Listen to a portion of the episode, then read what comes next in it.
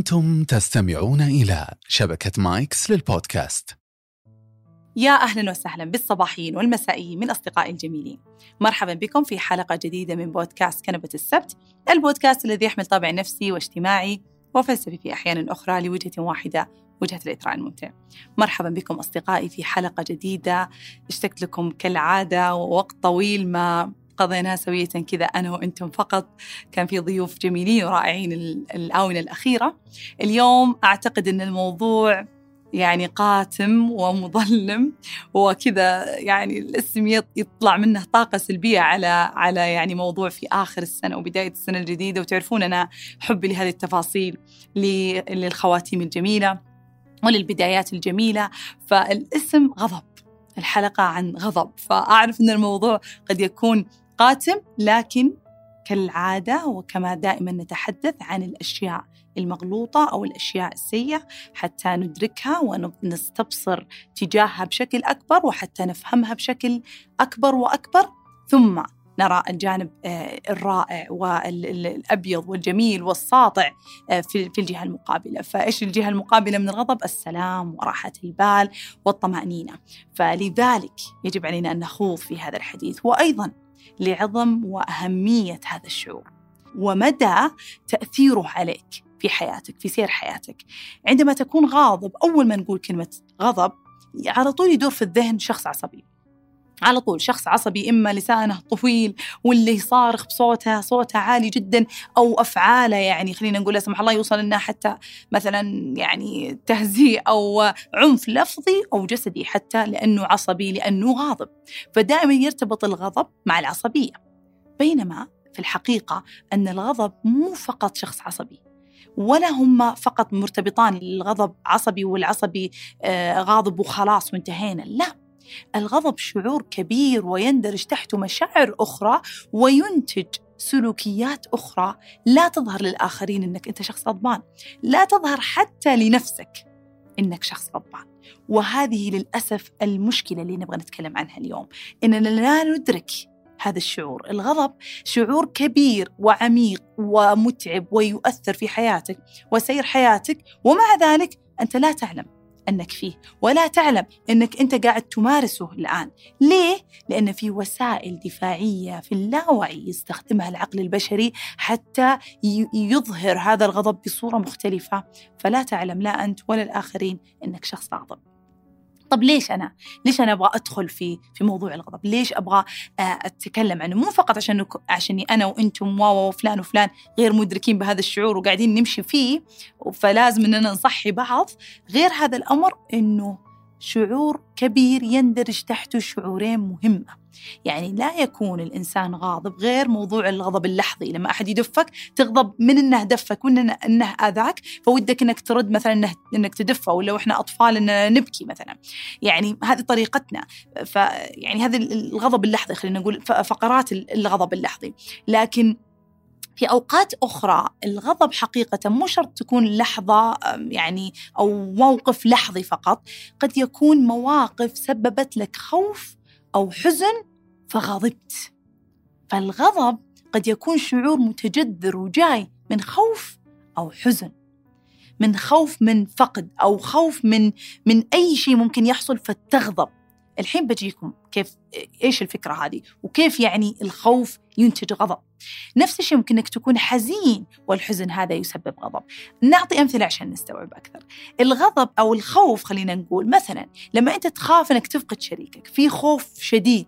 من من فقد الشريك سواء فقده إنه يسحب عليك أو إنه يهجرك أو إنه أو أي شيء آخر طيب؟ أو إنه حتى يموت مثلا أو أي شيء آخر لكن خلينا مثلا نقول الخوف من هجر الحبيب أو من هجر الشريك. بسبب هذا الخوف يصير الإنسان إنه مثلا نقول يتصيد الأخطاء مثلا يصير في عدم أمان فيصير مثلا لما ما يرد شريكه يشعر بغضب تجاه الشريك غضب وأنت ليش كذا؟ وأنت مقصر وأنت وأنت وأنت. فكلام وغضب شديد وانفعالات شديدة حتى الشريك يتفاجأ إنه ترى الموضوع بسيط أنا مثلا بس ما رديت إيش في ليش كل هذا الغضب؟ فالغضب أصلا ناتج عن خوف. وتكلمنا إحنا في حلقة سجن التعلق إنه المتعلق دائما إنسان خائف. فعشان كذا أنت تكون قلق وعشان كذا أنت غاضب. تغضب على الشريك وتتصرف بغضب وتأنب وتلوم و إلى آخره. وايا كان طريقة الغضب اللي أنت تستخدمها اللي بندخل فيها الحين لكن نرجع نقول أنه أصله خوف.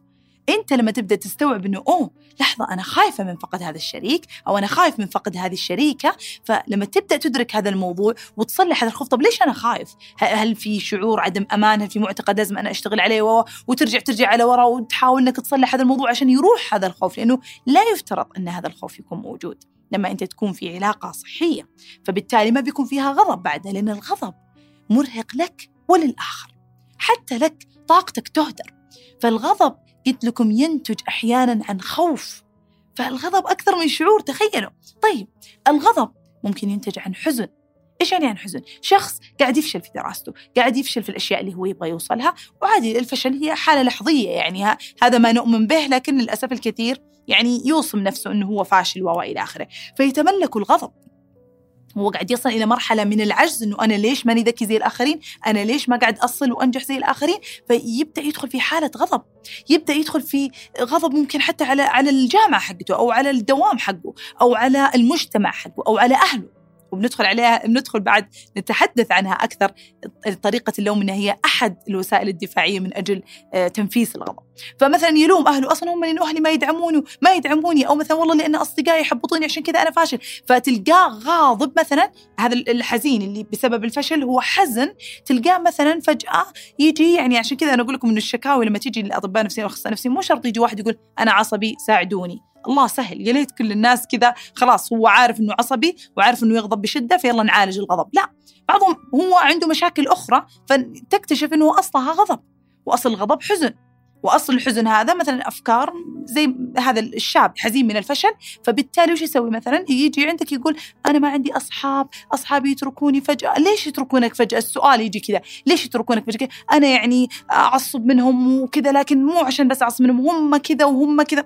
طب إيش هم كذا؟ إلا نجد نجد إلا نجد انه عنده غيرة غيرة شديدة. اصدقائه ناجحين بشدة يعني ناجحين وماشيين فهو يغضب عليهم بشدة.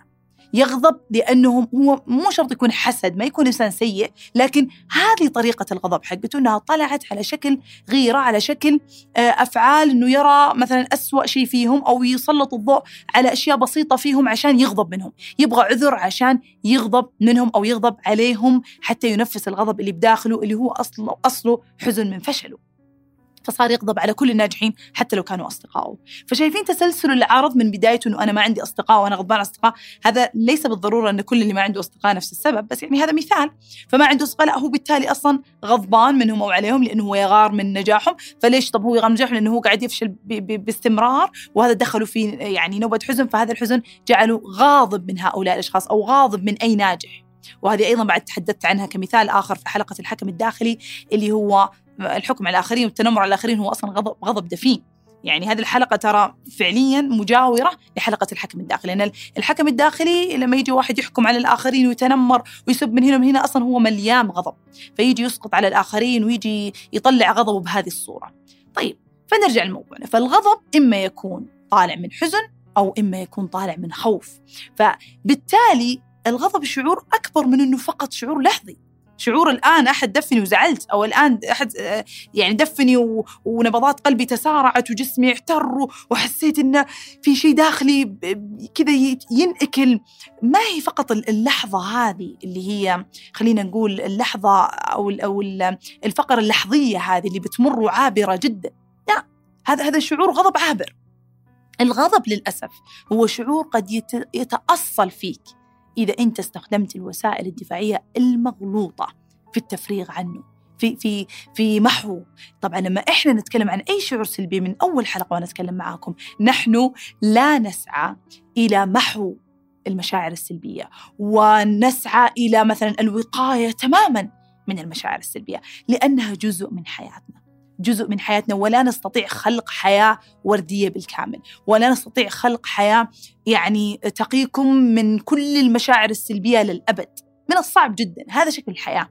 بكرة أنت بتغضب بتحزن لكن إحنا نبغى نعرف كيف نتعامل لما يجينا هذا الشعور. ومن حقك أن تغضب لازم أقول لكم من حقك أن تغضب. عشان كذا اليوم إحنا بنتكلم عن الطرق السلبية في التعامل مع الغضب والطرق التي يجب علينا أن نستخدمها في التعامل مع الغضب حتى نفرغه بأفضل صورة وما يصير هذا الغضب عائق في حياتنا وفي سير حياتنا. ليش أقول عائق؟ لأن الغضب أصله حزن أو خوف والحزن أكثر أكثر شيء يعرقلك في هذه الحياة. والخوف أكثر جدار وأكبر جدار قد يجعلك تخسر الكثير من الفرص والكثير من العلاقات والكثير من الطرق الرائعة أمامك. فكومة المشاعر السلبية هذه المثلث هذا اللي أنا أتكلم عنه الغضب والحزن والخوف يعني من المهم جدا أننا نرجع نطالع نفسنا من فوق نستبصر حالتنا وقت الغضب ونستبصر هل نحن غاضبين أم لا. الحين في هذه الحلقة وأنا بمشي في الوسائل الدفاعية اللي يستخدمها الإنسان متى ما صار شيء يغضبه أنا متأكدة 70 إذا مو 80% منكم بيقول أوه أمانة أنا كنت غضبان. أثاريني أجل طلعت شخص غاضب. أثاريني مليء بالغضب. أنا اعتقدت إني أنا إنسان مسالم. أنا اعتقدت إني إنسان متصالح مع نفسي. إني خلاص راضي. لا. الغضب مو شرط يطلع بالعصبية. بالعكس أنا أحيانا أهني وأحيي الأشخاص العصبيين طبعا إلى درجة معينة مو إلى درجة لأن فيها درجات العصبية. في أحد يصل إلى مراحل زي ما قلت اللي هي العنف اللفظي والجسدي. طبعا ما ما نحمس الواحد له. لكن أقول على الأقل العصبي إنسان صريح مع شعوره. هو غضب ثم فرغ غضبه بالصوت وبالكلام وبالحديث فهو مدرك للشعور ومعترف فيه ومطلعه. فهو ترى صدق إنه ممكن يأذي الآخرين لكن هو مرتاح. أرجع أقول أنا ما أشجع للعصبية لأنها سلوك اندفاعي ناتج عن الغضب غير عقلاني ويحرجه حتى هو مع نفسه ويحرجه عند الآخرين. لكن المقصد إنه آه، فعل أو سلوك آه، انفعالي يخرج تجاه أو بسبب ناتج عن الغضب. فهو سلوك صريح. أما السلوكيات الأخرى الغير صريحة اللي تعبر عن الغضب هي اللي بدخل فيها. واحدة واحدة. هم يسمونها في علم النفس يعني في علم النفس اللي هي وسائل دفاعية تنتج من العقل الغير واعي. يعني أنت بدون وعي منك نتيجة تربية نتيجة يعني منزلك وبيئتك وإيش تربيت عليه بتكون طريقتك. أنت ما تعرفها مية بالمية لكن هذا واجب الأخصائيين النفسيين لما أنت تجي تتكلم معهم إنهم يورونك شكلك من فوق يقولوا لك كيف شكلك أنت في التعامل مع هذا الشعور وبيعلمونك هذه الوسائل الدفاعية. فاليوم نتكلم نبذة عنها نبذة عنها عشان أنت تدرك وممكن أنت فعلا تبدأ تراقب نفسك وتغير من نفسك. من أهم الوسائل الدفاعية اللي تنتج من العقل الغير واعي لما يصير شيء يزعلك أو يغضبك اللي هي الديناي اللي يسمونها والريبريشن اللي هي الإنكار والقمع. الإنكار والقمع. وهذه أغلب الناس أغلب الناس يستخدمون هذا على الأقل من حوالي. أغلب الناس يستخدمون هذا الشيء. يجي يقول أنا أنا معصب عصبني الموضوع؟ لا ما يعصب أصلا. ما يعصب إيش دعوة؟ ما يهمني أصلا. فالواحد ينكر هذا الشعور اللي, اللي وصل له شعور الغضب هذا ينكره تماما. ينكر ويقول لا أصلا الموضوع من جدكم الموضوع ما يعصب يا شيخ ما يعصب. لا فكوني امشوا امشوا خلينا نطلع. امشوا خلينا نتمشى. تبغون تغيرون علي الجو خلوني أتمشى. ولا حتى يتكلم عن الموضوع ولا حتى يطريه ولا حتى آه، ينفس عنه ولا حتى يشكي عنه. لا يقول أصلا سخيف ما يسوى حتى أتكلم عنه.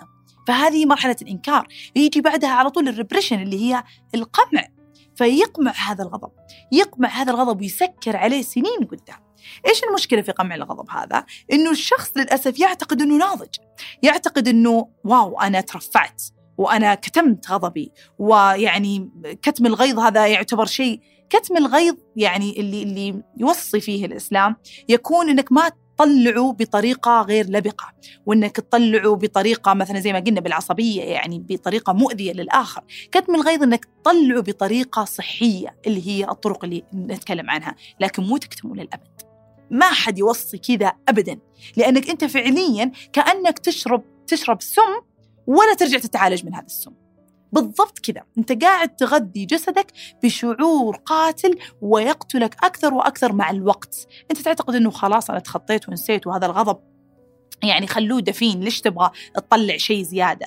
ليش تبغى تنبش أنت غضب في حياتي؟ ليش تبغاني دكتورة تنبشين غضب غضبنا على مثلا والدينا زمان ولا على شريكي زمان ولا على طليقي ولا على طليقتي؟ ليش تبغين تنبشين هذا الغضب الآن؟ مو مسألة تنبيش. أنا ما حساعد شخص ما يبغى المساعدة أو ما يقول عندي مشكلة. لكن أنا بساعد أشخاص مشكلتهم ما هي في العصبية. مشكلتهم في أشياء أخرى مثلا عندها مثلا واحدة عندها مشكلة مثلا مع الزواج تكره الرجال كلهم وتقول أصلا الرجال هم كذا والرجال هم كذا. فهذه مشكلة. لما بجي أتكلم عنها بقول تعالي خلينا نشوف أنت كنتي غاضبة على مين في الرجال وانت طفلة ولو انت كبيرة تلقى أوه لا والله في ماضي كان في أب معنف مثلا أو كان في شخص أذاها من الرجال زمان وهي صغيرة.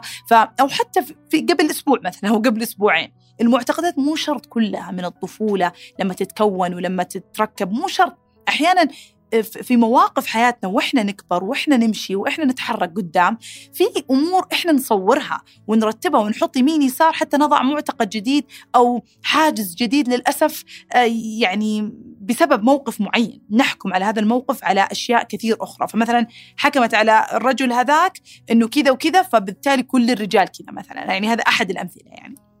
فبالتالي إنه الشكاوي اللي ممكن إننا نقول إن أنتم أشخاص غاضبين كثيرة وبعدة أشكال وكلها من تحت هذه الوسائل الدفاعية اللي أنا بذكرها، فزي ما قلت الإنكار هذا الغضب لما يكون متراكم بكرة يظهر. يظهر على شكل المعتقدات السلبية هذه. زي مثال البنت هذه أبوها عنفها وهي صغير مثلا صغيرة كبرت تقول لا بالعكس الحين أبوي صنصتيقي زمان هذا الكلام زمان. هي لا زال عندها شعور غضب مكبوت. تجاه هذا الوالد. تقول لا الحين إحنا الحمد لله أصحاب وكل شيء. تيجي في حاضرها تلقى عندها مشكلة مع الرجال. مو شرط مثلا في نزوح عن الزواج أو ما تبغى تشوف رجال لكن مثلا علاقاتها العاطفية جدا جدا آه يعني تتعب فيها أو جدا تحصل إنها غاضبة على شريكها في في هذه العلاقة. فتلقى كثير من الخلل الموجود في العلاقة بسبب هذا الغضب اللي كتمته وقمعته و قررت بسبب الريبريشن هذه الوسيلة الدفاعية هذه إنه قررت إنه لا لا أنا ما فيني أي شيء وبالعكس هذا ماضي وبالعكس هذه تربية ابائنا ويمكن لو ما ضربني أنا ما تربيت وما كنت كذا زي اليوم. فيجي هذا الشعور اللي هو خلينا نقول إنه يعني آه، إنه أنا ما فيني شيء وإني أنا بخير اللي هو الإنكار يعني.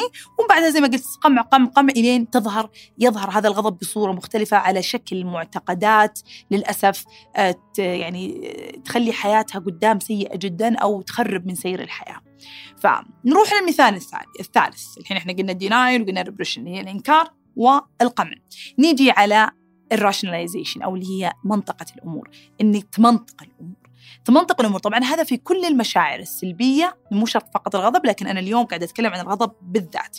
فالغضب لما يصير لما يصير موقف أغضب شخص خلاص لما يصير هذا الموقف يجي يجي هذا الشخص يقول آه يقول لا ترى عادي هم سووا كذا لأنه أنا زمان لما قلت لهم كذا قلت لهم إني أحب هذا التعامل فعشان كذا هو عارفني وعارف شخصيته وأنا أعرف شخصيته برضه يبدأ يمنطق الموضوع حتى يشعر إنه الغضب هذا يخف معه.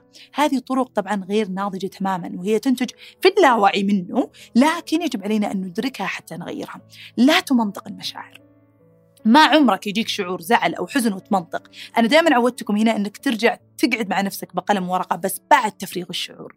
بعد تفريغ الشعور. فلما يجي الموقف اللي هو اللي أغضبك يجب عليك إنك تعترف إنه مزعج جدا هذا الشعور وإنك تعبان جدا وإنك غضبان من هذا الشعور ومتعبك لكن أنت إيش تبغى تسوي؟ تبغى إنك تحاول إنك تفرغه عند صديق أو بكتابة أو بقلم ورقة بنتكلم عن الطرق الطرق الممتازة والطرق الرائعة اللي ممكن إحنا نفرغ فيها الغضب بأفضل صورة. بعدها منطق على كيفك، بعضها افهم ليش سوى هذا الشخص كذا، ليش أنا رديت كذا، ليش ادرس الموضوع، بس منطقة الشعور إنك تمنطق الشعور في نفس الوقت هذه من الوسائل الدفاعية الغير ناضجة اللي ممكن فعلا تكون أذية جدا لروحك. ليه؟ لأنه بيصير في تضارب. تضارب بين القلب والروح وتضارب بين عقلك. هذا الشعور هذه اللخبطة تشعر الواحد بعدم اتزان. عدم اتزان. يصير واحد مع عقله ولا مع قلبه ولا مع روحه لكن الأمر ترى بسيط. ابدأ من هنا طلع ثم اذهب إلى العقل. طبعا لما إحنا نقول ابدأ من هنا هذا لا يعني إننا آه، يعني آه، نسعى أو نحاول يعني نقوم الناس أو نصحيهم إنهم يصيرون انفعاليين بشدة. لا لكل شيء يعني سبحان الله حد والوسطية في الأمور هي أفضل شيء. فإنك تطلع شعورك بالكلام وقلتها في حلقة تحدث عادي ترى أحيانا النبرة تزيد نوعا ما عادي يطلع بكاء عادي يطلع كلام حاد غير أنه ما يكون كلام يعني مثلا مو كويس وكلام سيء لا. لكن عادي يطلع كلام حاد. في النهاية هذه المشاعر خلها تطلع كيف ما هي لا تحكم على نفسك. وبعدها إذا كان فعلا هذا الشريك محب وإذا هذه عائلة ولا أصدقاء محبين سيجدون يعني خلينا نقول الأعذار لهذا الشعور طيب فبعد ال rationalization يعني اللي هي إنك تمنطق الأمور زي ما قلنا لا تمنطق الشعور وعيش الشعور بالكامل وبنقول الطرق الجيدة إنك تعيش فيها الشعور. بعدها يجي ال projection. اللي هو اللوم وهذه مرة مرة شيء كبير وتشوفونها في اللي حوالينكم كلكم تلقى شخص دائما يلوم الآخرين دائما يلوم الآخرين سقط أو فشل يجي يقول والله هذاك المدير أصلا ناوي علي وناوي ومدري إيش وهو وهو السبب أصلا ولا المدرس الفلاني أصلا حسيته حاط عينه علي حسيته مدري إيه خلاص. أو مثلا مع الشريك يعني أه تيجي تلومه أصلا أنت اللي تطلعني من طوري وأنت اللي تطلع أو أنت اللي تطلعيني من طوري. فيصير في لوم لوم لوم لوم على الآخرين إنه أنتم السبب. أنا يعني ما كنت بكون كذا إلا لأنكم أنتم السبب، ما كنت بفشل في هذا الشيء إلا لأنكم أنتم السبب. اللوم هو وسيلة دفاعية حتى يشعر الإنسان بغضب أقل، هو مليء بالغضب بسبب هذا الفشل أو بسبب هذا بسبب هذا العجز اللي هو قاعد يشعر فيه، فهذا الغضب يضعه على الآخرين. يضع ويلوم الآخرين. أكثر الناس اللي تلوم الآخرين هم ناس تعبانة جدا غضبانة وغضبهم هذا ناتج عن خوف أو حزن فهم تعبانين فهم ما هم قادرين الطريقة اللي يتشافون فيها روحهم إلا أنهم يرمون يرمون اللوم على الآخرين يرمون هذه الأسباب أن الآخرين هم السبب. طبعا أيضا نروح لشيء آخر برضو يعتبر فيها إسقاط على الآخرين اللي هي ال displacement ال displacement اللي هي يعني يعني ال projection إحنا نسميها الإسقاط إنك تسقط مشاكلك على الاخرين وتلومهم لكن ال displacement هي إنك تحول غضبك من الشخص المناسب أو الشيء المناسب اللي يستحق الغضب فعلا إلى شخص أو شيء آخر لا يستحق.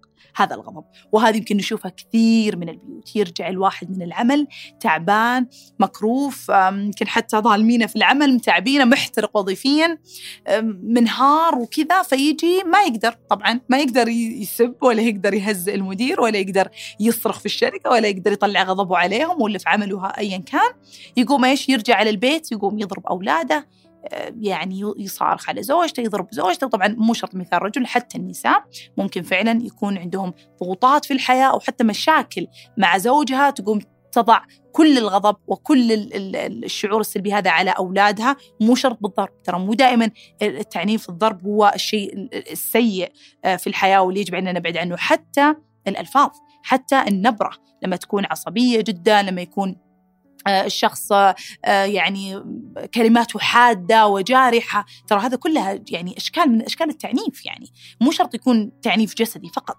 فالتعنيف اللفظي متعب. فلما يجي الواحد يغضب شيء زوجة غضبها شريكة تقوم تروح تحط غضبها على الأولاد فتضربهم وتهزئهم وتنفعل على أي شيء وتنفعل على أشياء بسيطة. نفس الشيء الزوج يجي مثلا من العمل تعبان و... وواصلة حد ويجي على أتفه الأشياء على بس... ليش كذا هذا؟ ليش هذا؟ على أتفه التفاصيل في البيت تلقاه غضبان جدا جدا. ليه؟ لأنه ما هو قادر يعبر عن غضبه بالطريقة الصحيحة للشخص الصحيح. ففي اللاوعي جسده وعقله وجسمه يبغاه يعطيه التنفيس يبغاه يخلي الغضب هذا ينفس الجسم ما يتحمل العقل ما يتحمل كل هذا الشعور فيطلعه بهذه الطريقة المغلوطة للأسف.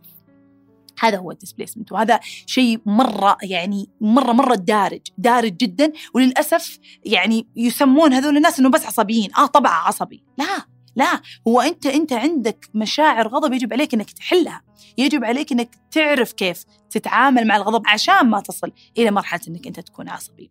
طبعا الشيء الأخير والمهم طبعا ومن بعدها بنتكلم عن المعتقدات كذا بشكل موجز الشيء الأخير اللي هو ال conversion يسمونها ويسمونها يعني التحويل الجسدي أعتقد يعني شوية معلش الترجمات العربية عندي مو مرة لكن أنا شفتوني قاعدة أترجم كل كلمة انجليزي أعطيها ترجمة عربية لكن قصدي هل هي فعلا بالعربي كذا تقال؟ ماني متأكدة بس قاعدة أحاول إني أشرح لكم إياها وهذا المهم إني أشرح لكم إياها مو مهم إيش المسمى الحقيقي يعني. ف conversion اللي هي آه، يعني يكون فيه conversion هي من التحويل إنك تحول الشعور النفسي إلى ألم جسدي. وهذا وهذه عاد يعني طبوا واختاروا من زملائكم من أنفسكم قديش ناس جو عندكم قال لكم بطني يعورني انتفاخات في بطني قولون عصبي آلام في الكتف آلام في الظهر. هذا يعني كلام مدعم من الطب النفسي إنه اللي يصابون بأعراض جسدية بشكل مستمر وليس لها سبب. عند الأطباء ويسوي تحليل من هنا ويسوي فحص من هنا فحص من هنا يجب عليه انه يراجع يراجع طبيب نفسي حتى يتأكد إنه هذه ما هي مشاعر سلبية ما عقلك ما اعرف كيف يوجهها ما اعرف كيف يتعامل معها ففي اللاوعي حولها إلى أعراض جسدية. القولون العصبي يعني حتى سبحان الله الجهاز العصبي يعني الهضمي هو أكثر جهاز مرتبط بالعقل. يعني إحنا لما نفرح بطننا يسوي أصوات لما نتحمس إحنا لما نقلق يحس الواحد بغثيان أو أكرمكم الله يحس إنه يبغى يعني خلاص. فبالتالي وحتى ممكن تتغير يعني خلينا نقول يعني تتغير يعني طريقته في الأكل يتغير تقبله حتى للأكل. فالجهاز الهضمي جدا حساس مع العقل مع المشاعر بالذات مع المشاعر يروح كذا وينزل كذا مع مشاعرك. فمتى ما كانت شخصيتك متزنة متى ما كنت أنت شخص عرف كيف يتعامل مع مشاعره كيف يتعامل مع الظروف اللي تجي مع الغضب مع الحزن مع كل المشاعر السلبية تجد أنه شخص ياكل أي شيء. شخص طبعا غير اللي عندهم حساسية شيء طبي أوكي؟ لكن اللي يتحسس من أي أكل وبطنه يقلب وبطنه كذا عادة ما يكون ممكن ممكن يكون إنه إذا ما لقى لها أسباب صحية ممكن إنها تكون آه، هذه المشاعر السلبية اللي ما عرف كيف يوجهها فتبدأ تطلع على آه، أعراض جسدية. أنا شخصيا لدي أشخاص مقربين جدا. كان عندهم مشخصين بالقولون العصبي. مشخصين وعلى فكرة حتى أطباء الأسرة يعني هم دارسين في القولون العصبي إن قد يكون أحد العلاجات آه، أدوية آه، اللي هو مضاد للاكتئاب حتى يخفف من القلق فتخف يخف بعدها القولون العصبي. لأنه مو شرط بس آه، أدوية خلينا نقول أدوية الهضمية.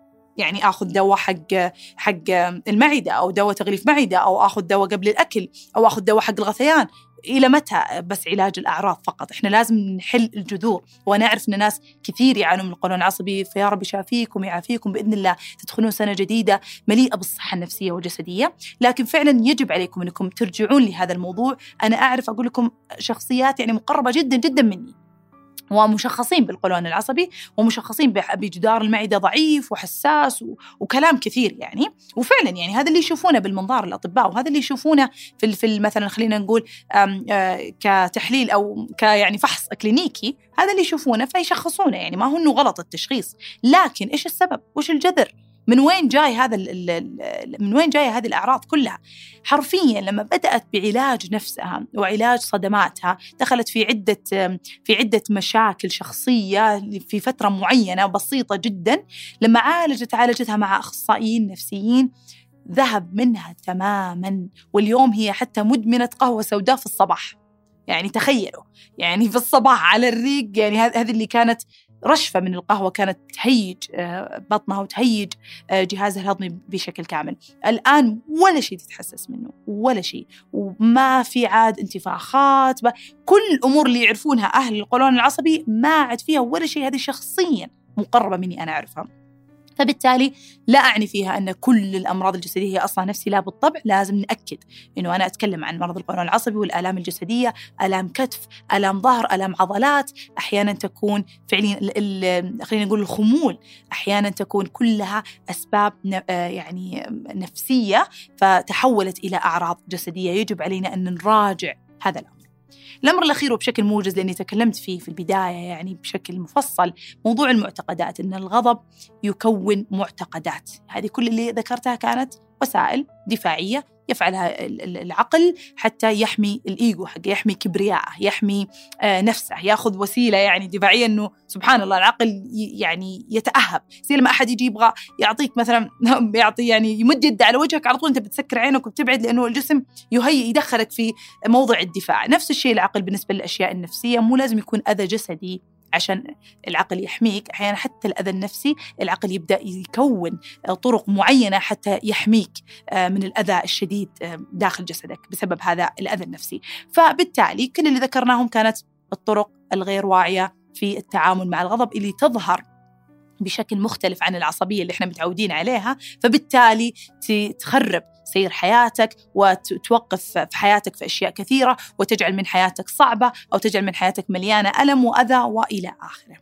أيضا الغضب يفعل الشيء الأكبر اللي هو زي ما قلت أنه بسبب الغضب هذا وبعد ما أنت تنكره وتخليه على الجنب وتسوي له ريبريشن وتسوي له قمع وكذا أو تستخدم أي وسيلة دفاعية أخرى من اللي ذكرتهم للأسف يكون معتقدات هذه المعتقدات اللي أنا قاعدة أشتغل عليها من أول حلقة إلى هذه الحلقة.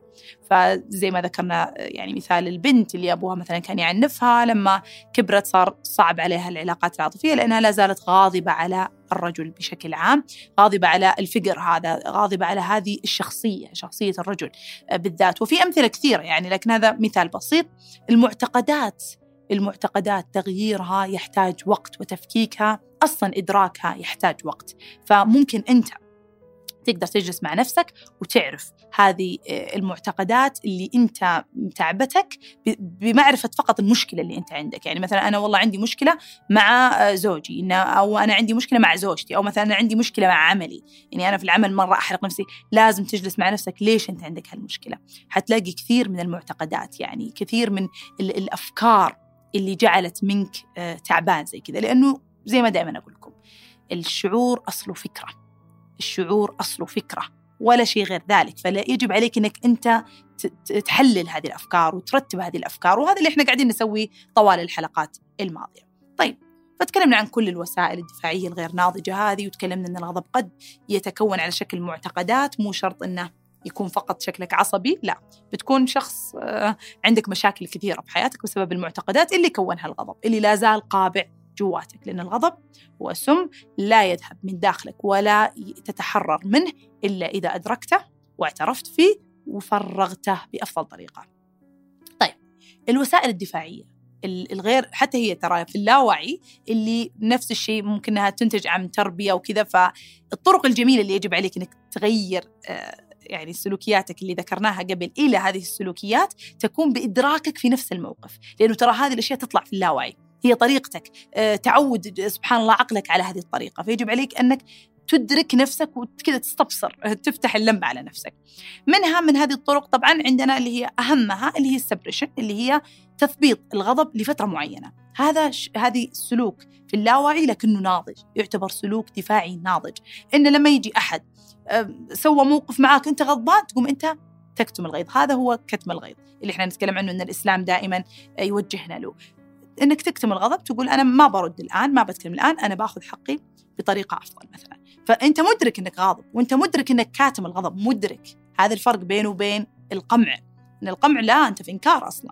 فالتثبيط الغضب هنا أنت مدرك إنك غضبان فتسكته شوية إلين تروح البيت وتفرغ الغضب بطريقتك. تفرغ بعدة طرق بنتكلم عن هذه الطرق من أهمها؟ من أهمها عندنا الكتابة الكتابة والتفريغ يعني التفريغ الكتابي أو اللفظي. التفريغ الكتابي أو اللفظي وثالثا ال meditation أو هي التأمل. بتكلم عنها بالتفصيل لاحقا. فبالتالي لما أنت تجي تكتب الغضب لفترة بسيطة بعدين تفرغوه كذا أنت انتهيت منه. كذا أنت ودعته. كذا أنت فرغته. كذا أنت كنت واعي بشعورك فأنقذت عقلك وأنقذت جسدك من أنه يتحول بطريقة مختلفة أو بوسيلة مختلفة. هذا هو ال suppression. اللي بعدها اللي هي ال humorous. ال humorous اللي هي الفكاهة. لما إحنا نستخدم الأشياء اللي تغضبنا في نكتنا اللي يسمونها الدارك كوميدي الكوميديا السوداء هذا الشيء مفيد جدا ووسيلة ناضجة. طبعا البعض بيقول لا يا فلان هذا هروب. يعني أنا أقعد أنكت على الموضوع بس أنكت لا عادي في بعض الناس أنا مثلا ما عندي هذه الطريقة.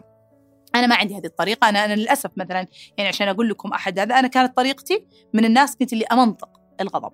كنت لما أغضب أمنطق ما أحب أشوف شكلي غاضب أحس إنه من النضوج إني أنا أكون متزنة ولا أغضب ولا ولا. وهذا غير صحيح طبعا تغيرت كثيرا لاحقا تغيرت كثيرا وتركت هذا الموضوع. لكن ال humorous مثلا ما هي طريقتي أنا ما أحب أنكت في الغضب لكن في أشخاص بالنسبة لهم أنه ينكت في موضوع الشيء اللي غاضبه ومعصبه تفريغ. فبرافو. وأهني طبعا كل stand up comedy في السعودية ولا في العالم أجمع. يعني أنا دائما أحب أروح أصلا stand up comedy عشان أضحك بالنسبة لي الضحك تفريغ. لكن هم ما شاء الله لما يستخدمون حياتهم ومواقفهم ومشاكلهم بطريقة كوميدية ويعرضونها بطريقة كوميدية مو شرط طبعا تكون stand up comedy عشان تفرغ بالطريقة هذه لكن الفكرة إنه لما يفرغونها بهذه الطريقة يشعرون إن المسألة بسيطة فتتبسط في راسهم ويخف شعور الغضب.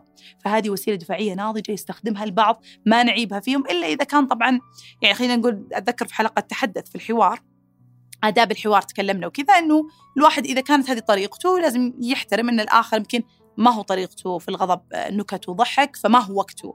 إنه في في الحوار انه تجي مثلا تنكت أو تجين تنكتين في وقت ما إحنا قاعدين نتكلم كلام جدي. لكن أنت أنت مع نفسك لو أنت آه، تروح عند أصحابك وتقعد تنكت على المشكلة اللي صارت لك اليوم تنكت تضحكون تضحكون أنت كذا فرغت. أنت أصلا تكلمت عنها. تكلمت عنها بسخرية وبضحك ممتاز. كمل. برافو عليك. اللي بعدها طبعا وهي من الطرق الممتازة اللي حلو حتى نعود أطفالنا منهم الصغار يسمونها sublimation اللي هو إننا إننا نحول نحول آه، الغضب المتجه أو اللي يفترض كان يتوجه على شخص أو فكرة أو شيء إلى هواية معينة أو إلى عمل معين. فمثلا أروح أشترك في تايكوندو. أو أشترك في فنون قتالية أو أشترك حتى في تنس أو حتى في كرة سلة. الطاقة العنيفة هذه اللي دخلت فيها أو حتى أدرب أطفال ال boxing مثلا أو زي ما قلت فنون قتالية وإلى آخره. الفكرة إن الشعور السلبي الكبير هذا اللي داخل علي ودخل فيني في جواتي أطلعه أنفس عنه في الرياضة. الشديدة هذه بالذات بالذات الرياضات اللي قلت عليها اللي هي تطلع تطلع بشكل بطريقة عنيفة لكنها طبعا العنف المهذب يعني أو اللي في حدوده. فبالتالي يطلع كل هذا الشعور. وهذه طريقة جدا ممتازة للناس اللي مثلا ما يجدون ناس يفرغون لهم أو ما يحبون الكتابة أو يعني هذه جدا طريقة ممتازة للتنفيس عن الغضب. حتى لو أنت ما عندك هواية معينة بس اليوم أنت غاضب جدا روح أي class ملاكمة أي class يعني يا كثر الجيمات ما شاء الله. فأي class مثلا زي ما قلت كورة أو أي شيء. فأي شيء فيه ضرب حتى يستطيع الإنسان إنه يطلع هذا الشعور هذا الشعور الغاضب في في الكرة هذه أو في في المكان هذا. كنت أقول يعني كان واحد من مدربين التنس يقول إنه أفضل ما في طبعا أنا لازم اسوق للرياضة اللي أحبها والهواية اللي أحبها جدا. لكن إنه كان يقول لي واحد من المدربين كان فلبيني فيقول لي إنه أفضل ما في كرة التنس إنه التنفيس عن الغضب فيها مرة كبير في نفس الوقت فيها سكوت كثير. كان يقول كذا كان يقول إنه أنت لما تنتظر الكورة أنت مركز في الكورة ولا مركز في أي شيء ثاني. هذا الصمت وهذا التركيز يخليك ما تركز في أي شيء آخر. ولما تيجي الكورة أنت تضربها بقوة فيطلع كل شعور غضب. أنت مو داري أصلا أنت قاعد تفكر في مين. يعني مو مثلا آه إنك قاعد تفكر مثلا في مديرك وضربت الكورة. لا أنت مركز في الكورة تبغى تضربها. لما تيجي الكورة تضربها بأقوى شيء فيطلع شعور غضب صافي. ما تدري حتى هو المين لكنه يطلع. فأعجبني طبعا مثاله جدا لكن آه أي رياضة أي رياضة ممكن أنها تطلع هذا الشعور بهذا القوة آه لازم أنكم تسوونها إذا شعرتم بغضب شديد عليكم. طبعا وأخيرا زي ما ذكرت إنه من أهم السبل برضو للتنفيس عن الغضب هي الكتابة أو أو خلينا نقول التفريغ نسميها التفريغ الكتابي أو اللفظي. إما صديق مقرب أو مختص أو أو أو حتى أنك تتكلم عن المشكلة اللي حصلت وإنه إيش أغضبك وليش أغضبك و و إلى آخره. لأنه يا جماعة شعور الغضب أحيانا ترى يكون من سوء فهم. يكون من فكرة مغلوطة عندك. حلو إنه أحد ثاني يعني مستبصر يعلمك إنه هذا الشيء مثلا لا ليش أنت غضبت؟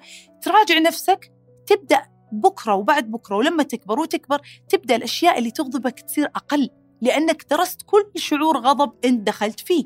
فرغت عنه فرغت يعني بطريقتك اللي تبغاها. بعدين تكلمت عن الفقرة هذه حتى بكرة هل ممكن هذا الموضوع يصير فعلا ما يغضبك بعدها. فأنت كذا تصير قلصت الأشياء اللي تغضبك في الحياة. وهذا النضوج الحقيقي هذا النضوج الحقيقي اللي يعيشك حياة أفضل بكرة. طبعا وعندنا التفريغ الكتابي وإن شاء الله بيكون في حلقة قادمة إن شاء الله في شهر يناير عن فقط الكتابة. بنتكلم عن الكتابة العلاجية لأنه دائما تقولون دكتورة كيف أكتب؟ كيف قصدك أكتب كذا؟ كيف؟ وأنا دائما أعطيكم ال ال الكتابة العلاجية ال bas basic يعني خلينا نقول أساسية لكن نفصل إن شاء الله مع ضيفتنا بإذن الله في حلقة قادمة عن الكتابة العلاجية. لكن الآن خلينا نقول إنه اللي أبغاه منكم اللي هي الكتابة التفريغية. يعني صار موقف يغضبك صار موقف مرة دخلك في مشاعر سلبية جدا تمسك ورقة وقلم وتكتب كل اللي بخاطرك تجاه هذا الشخص أو تجاه هذا الموقف أو تجاه هذا الشعور اللي جاك. مثلا حسيت بشعور بالفشل إنه أنت رسبت كثير وكذا هذا قاعد يتحول إلى غضب غضب على نفسك غضب على أدائك غضب فجأة بيتحول لهم على الآخرين.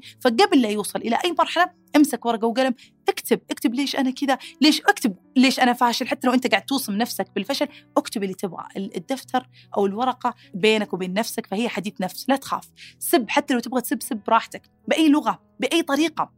إنجليزي عربي أهم شيء إنك تكتب. حتلاقي نفسك تبكي حتلاقي نفسك منهار حتلاقي نفسك آه، مو مرتاح يعني ابدا. شعور غير مريح وأنت تكتب هالأشياء. بس بعدها حيكون الشعور المريح إن شاء الله. فالتفريغ الكتابي أو اللفظي مع الناس الحكماء المستبصرين الرائعين أو المختصين حيكون يعني خلينا نقول متنفس رائع وممتاز جدا ل خلينا نقول التنظيف الدوري، التنظيف الدائم والوصول إلى معرفة عن نفسك أكثر حتى تترتب حياتك أكثر بكرة. الأخير الشيء الأخير اللي بقوله المديتيشن.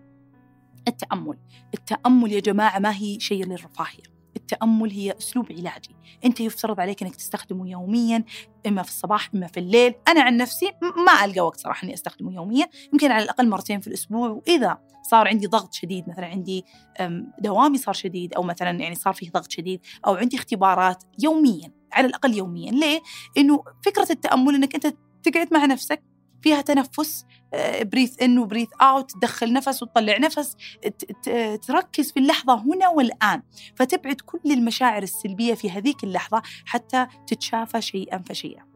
طبعا أنا عندي في حلقات كنبة بلس إذا تبغون تشتركون بنحطها في وصف الحلقة. في عندي حلقات لل meditation حلقات للتأمل يعني يعني أقودكم فيها إلى تأمل بإذن الله يصل بكم إلى سلام أفضل. وممكن تكون لها مواضيع أو عناوين لكن أي تأمل أي تأمل فيه تنفس وفي هدوء وفي استحضار للحظة قد يساعدكم إن شاء الله إلى تنفيس الغضب بشكل أكبر وأكبر. فنهاية هذه الحلقة أبغى أقول كلمة مهمة جدا. إنه كل اللي ذكرته حتى من بداية الحلقة أقول لكم ترى هذا يعني شيء يحدث منك في العقل اللاواعي في العقل اللاواعي. فبتقولون طب دكتورة أنت قد تقولين بالعقل اللاواعي كيف أنا أغير في اللاواعي؟ أقول لكم إنه أنت يجب عليك إنك تفتح إضاءة على الأشياء اللي أنت تفعلها بدون وعي منك حتى تنقلها إلى الوعي. حتى تعدلها. وهذه كانت تغريدة قبل أمس كتبتها كتبت شيء عن البدايات أنه قلت أن البدايات شيء رائع وجميل وأنها منعشة لكن يجب علينا الحذر فيها ووضع مساحة ومسافة ووضع يعني وقت حتى للقرارات فيها حتى يعني لا يخيب ظنك وممكن أنك تطلع فيها تطلع منها لو انتهت بهدوء وسلام أو أنك تكمل فيها بتحقيق فرحة أكبر. فرد علي شخص قال لي دكتورة يعني زي أن كلامك مثالي أنه هذه طبيعتنا. أعتقد كإنسان أو كناس أو كبشر. فردي عليه وعليكم إنه الطبيعة تهذب. فالطبيعة تهذب.